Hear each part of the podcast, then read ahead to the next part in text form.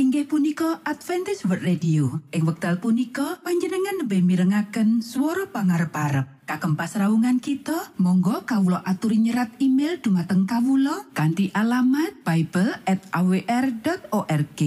utawi panjenengan uki saged layanan kalian Kawulo lumantar WhatsApp kanti nomor plus setunggal saged layanan kalian Kawulo kalh kalh sekawan kalh kalh kalh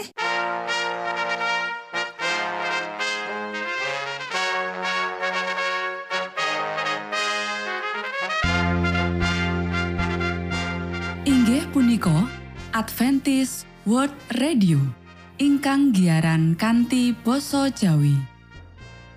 Tentrem Rahayu kula aturaken kagem para mitra kinasih ing pundi papan lan panggonan. Sugeng pepanggihan malih kalian Adventist World Radio. Kanti bingahing manah Kulo badhe sesarengan kalian para mitra kinasih lumantar saperangan adicara ingkang sampun rinonci mligi kagem panjenengan sami. Mugi giaran punika saged migunani tuwin dados berkah kagem kita sedaya. Sugeng midhangetaken Gusti amberkahi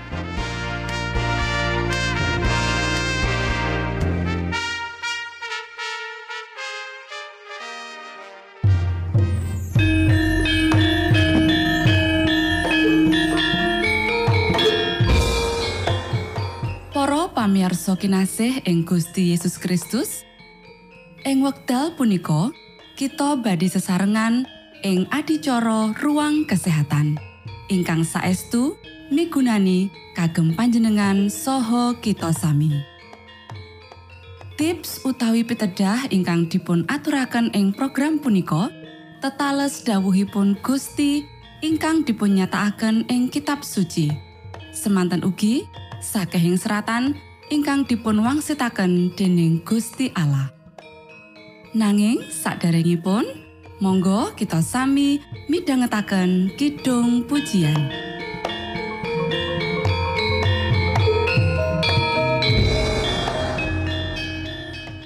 Monggo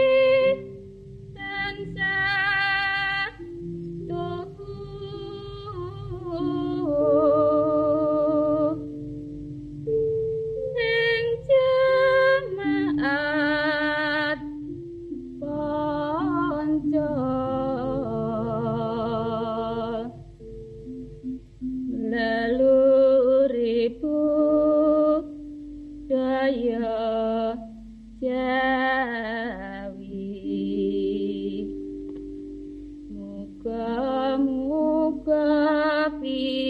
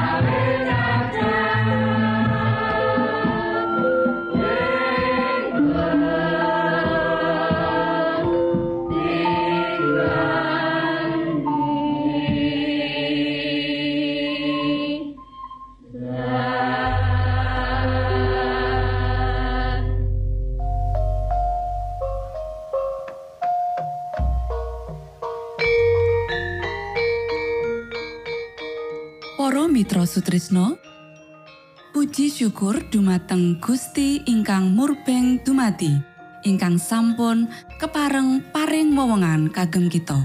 Satemah saged nglajengaken ruang kesehatan. Pirembakan kita semangke kanthi irah-irahan.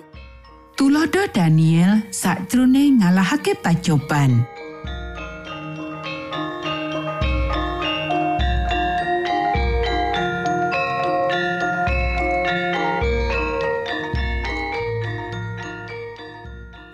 Dumateng para pamiarsa ingkang dahat kinurmatan, sugeng pepanggihan malih kalian kula Isti Kurnaidi ing adicara ruang kesehatan. Ing dinten punika kanthi irah-irahan Tulodo Daniel sakjroning ngalahake pacoban. Para sedherek ingkang kinasih, Daniel nemtokake jroning ati menawa dheweke ora bakal ngreketi dirine saka saperangan panganane raja utawa kanthi omben-omben anggure. Daniel mangerteni menawa panganan kaya iki ora bakal nguatake badane lan nambah kekuatan mentale. Daniel ora bakal nggunakake anggur utawa bahan perangsang sing ora alami liyane. Dheweke ora bakal nindakake samu barang kanggo metengake pikirane satemah Gusti Allah maringi marang dheweke kawruh bab kapinteran, bab tulisan lan kawicaksanan warna-warna lan uga katunungan pangerten bab wahyu lan impen rupa-rupa. Wong tuane Daniel wis nglatih dheweke nalika isih cilik ngenani pakulinan-pakulinan tarak sing kenceng. Wong tuane wis mulang menawa Daniel kudu nuruti angger-angger alam ing kabeh pakulinane. Pakulinan mangan lan pakulinan ngombe duweni pengaruh langsung marang kahanan mental lan morale nganti dheweke tanggung jawab marang Gusti Allah kanggo kesanggupane. Daniel nyekel kabeh iki dadi sawijining peparinge Gusti Allah. Peparing iki ora bakal nguntingake utawa nglempohake ing tumindak apa wae. Minangka hasil saka piulang mau, angger-anggere Gusti Allah diluhurake ing pikirane lan diajeni ing atine. Saksuwene taun-taun sepisan pangawulan, Daniel duwe wewengan melu upacara sing ngenalake marang dheweke kamulyan kraton sing diiringi kemunafikan lan paganisme. Iki sawijining lembaga pawiatan sing unik kanggo Daniel kanggo nyiapake dheweke sakjroné panguripan ngasorake ati, kasrekepan lan kasetyan. Nanging Daniel urip tanpa rereget sakjroné swasana piolo sing ngupengi. Para sedherek ingkang kinasih, pengalamane Daniel lan sekabat-sekabate sing isih muda iku nggambarake keuntungan sing dientuki sing dadi hasil saka kaprasajan panganan. Bab iki nuduhake apa sing Gusti Allah tindakake kanggo dheweke sing gelem karya bebarengan karo panjenengane sakjroning nyucikake lan ngangkat jiwa. Padha dadi pakurmatan kanggo Gusti Allah lan cahya mencorong ing kraton Babel. Para sederek, sakjroning penulisan sejarah iki, kita ngrungokake swara Allah sing dituduhake marang kita kanthi cara mirunggan pribadi. Panjenengane ndhawuhi kita nglumpukake kabeh padang endah ngenani pertarakan wong Kristen. Panjenengane mapanake diri kita sakjroning sesambungan sing bener karo angger-angger kesehatan. Para sederek ingkang kinasih, apa sing bakal tumati sekirane Daniel lan kanca-kancane kompromi karo pegawai kafir iku. Banjur pasrah marang kahanan sing desek nganti dheweke mangan lan ngombe miturut adat Babil. Mung sepisan wae nyimpang saka prinsip iku wis cukup ngringkihake kesadaran marang sing bener lan sengit marang sing salah. Pemanjaan selera bakal nglibatake pangorbanan tenaga fisik lan meninge pikiran. Mengkono uga kuoso karo hanen langkah sing salah bakal nuntun wong liya nganti sesambungan karo swarga wis pedhot lan dheweke bakal kesapu dening panggoda. Matur nuwun, Gusti amberkahi.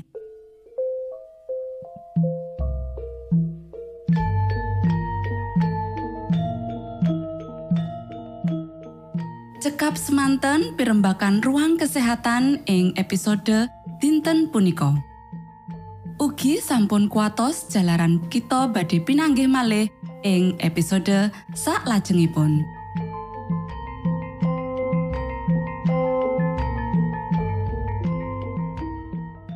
Inggih punika adicara ruang kesehatan. Menawi panjenengan gadah pitakenan utawi ngersakaken katrangan ingkang langkung, monggo kula aturi kinton email dateng alamat ejcawr@ gmail.com utawi lumantar WhatsApp kanti nomor 025 pitu 00 songo songo papat 00 pitu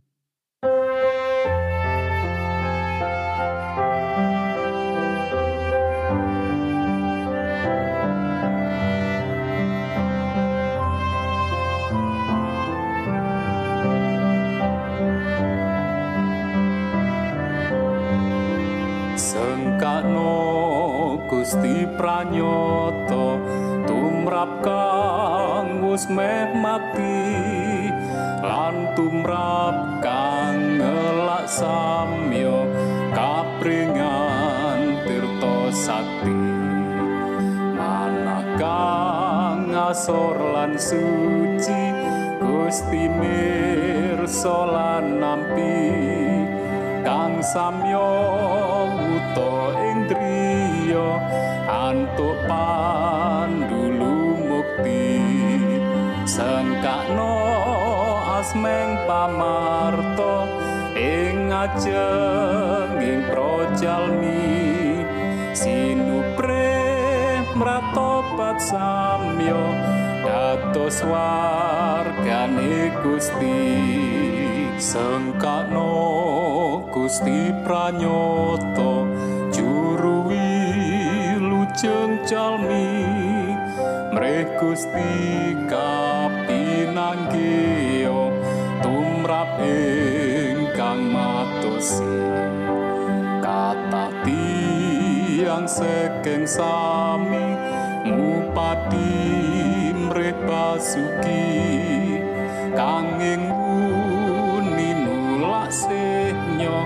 sami marep mring Gusti sengkakno asmeng pamarto ing ajenging projalmi sinupre mratobat samyo dados wargane Gusti.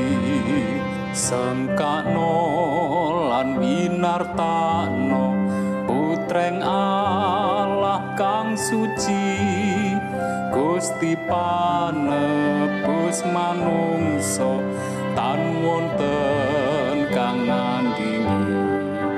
Sampun rujatuh sojalmi dekorban yo kang ati.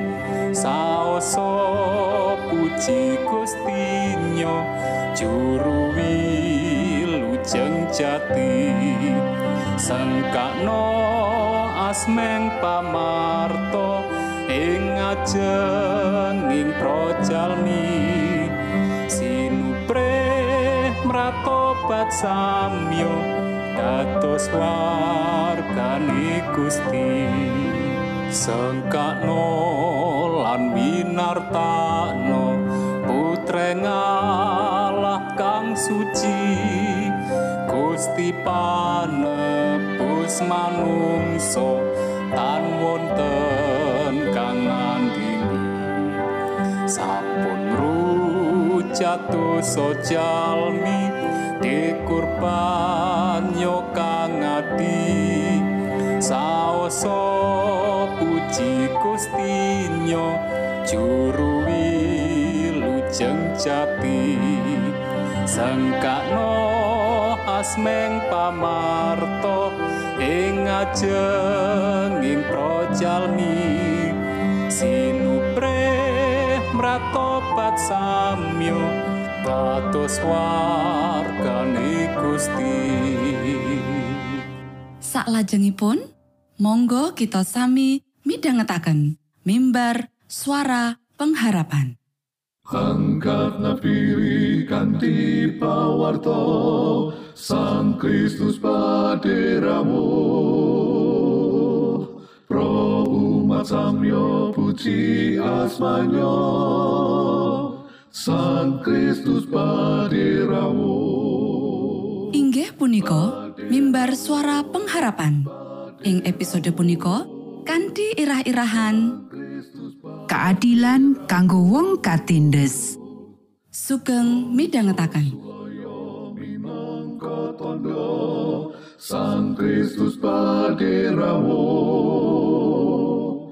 ilmu kawero tambah lan tambah. Sang Kristus paderawo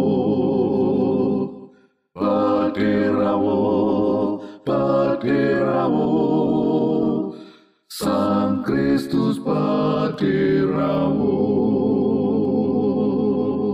Shalom para sedherek ingkang kinasih wonten ing Gusti. Sakmenika kita badhe mitangetaken renungan Sabtu pangantikanipun Gusti. Ing dinten punika kanthi irah-irahan keadilan kanggo wong katindes. Para sedherek ingkang kinasih, ayo diwaca Kitab Sabur pasal 146 ayat 6 nganti 10. Panjenengane kang nitahake langit lan bumi, segara lan saisine kabeh, kang tetep setya ing salawase, kang jejegake keadilan tumrap wong kang padha katindes, lan paring pangan marang wong kang padha keluwen, Pangeran Yehuwa ngluwari wong kang padha kinunjara.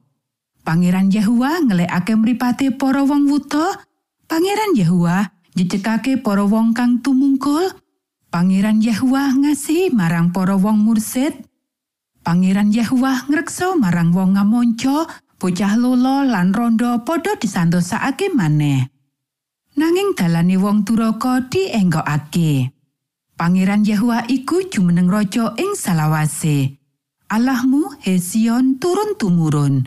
Haleluya. Para sedherek ingkang kinasih, Gusti Allah nuduhake kawikaten dan rasa peduli marang kita bab rasa keadilan tumrap maneka warna golongan wong kang rentan, kalebu wong miskin, wong kang kacingkrangan, bocah lolo, wong rondo lan duda, sarta wong monco. Kitab Sabur kaya dene kitab angger-angger lan kitab para nabi cedha banget babagan iku. Kita bisa maca ing pangentasan pasal likur ayat selikur nganti pitulikur lan Yesaya pasal telu ayat telulas nganti limolas. Para sederek akeh Mazmur nggunakake tetembungan miskin lan butuh lan ora nggambarake wong sing ditindes kanthi istilah nasional lan akomo sing eksklusif. Babagan iki ditindakake kanggo nonjolake rasa kapedulian universal Gusti Allah tumrap kabeh umat manungsa. Tetembungan miskin lan butuh ora winates marang kahanan miskin secara materi. Nanging uga nengeri bab gampang ketas lan karingkihan.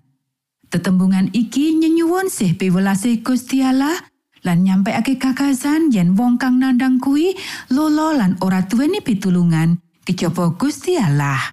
Kegambaran miskin lan butuh uga kekayutan karo rasa katulusan, kajujuran, lan sekatresnane manungsa tumrap Gusti Allah. Sakjroning pangakone bab rasa kumantung sawetue marang Gusti Allah lan ninggalake kabeh rasa ora butuh pitulungan liyan lan nonjolake diri. Sawetara kuwi ngopeni wong kang nandang kacingkrangan, sabur pasal petang siji ayat loro nganti papat, nuduhake kasetyane umat marang Gusti Allah.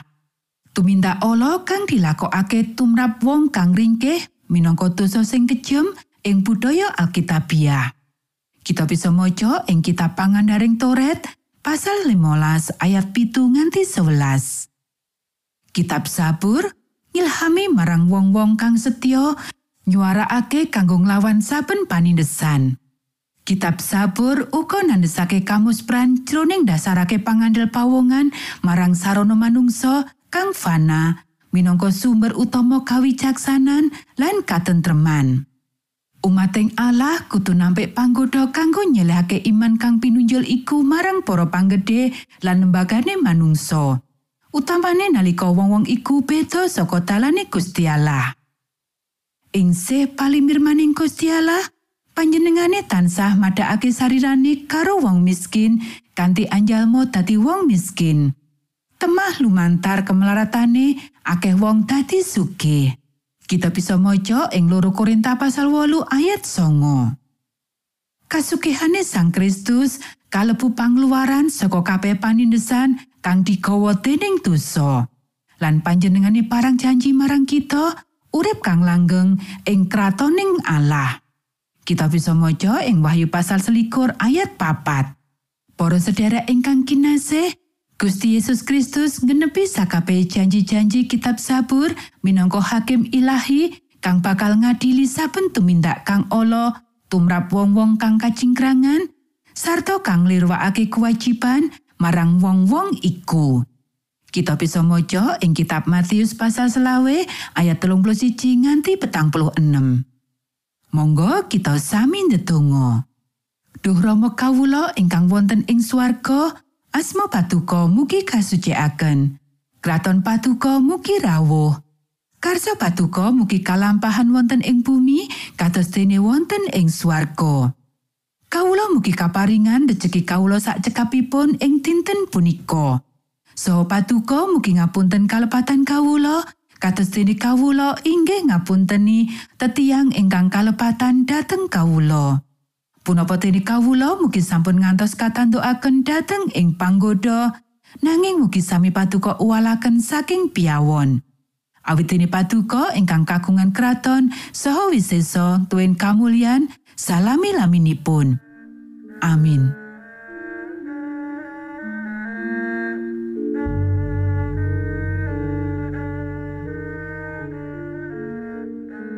Para Mitra Sutrisno pamiarsa kinasih ing Gusti Yesus Kristus. Sampun paripurno pasamuan kita ing dinten punika. Menawi panjenengan gadah pitakenan utawi ngersakaken seri pelajaran Alkitab suara nubuatan Monggo Kulo aturi kintun email dateng alamat ejcawr gmail.com utawi lumantar WhatsApp kanti nomor 025 pitu 00 songo songo papat 00 pitu.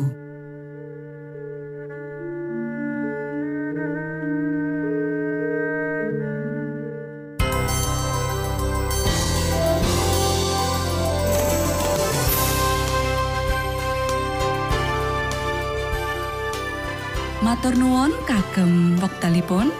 Kita badhe pinanggih malih ing gelombang ugi wekdal ingkang sami. Saking studio kula ngaturaken tentrem rahayu. Gusti amberkahi kita sedaya. Maranata.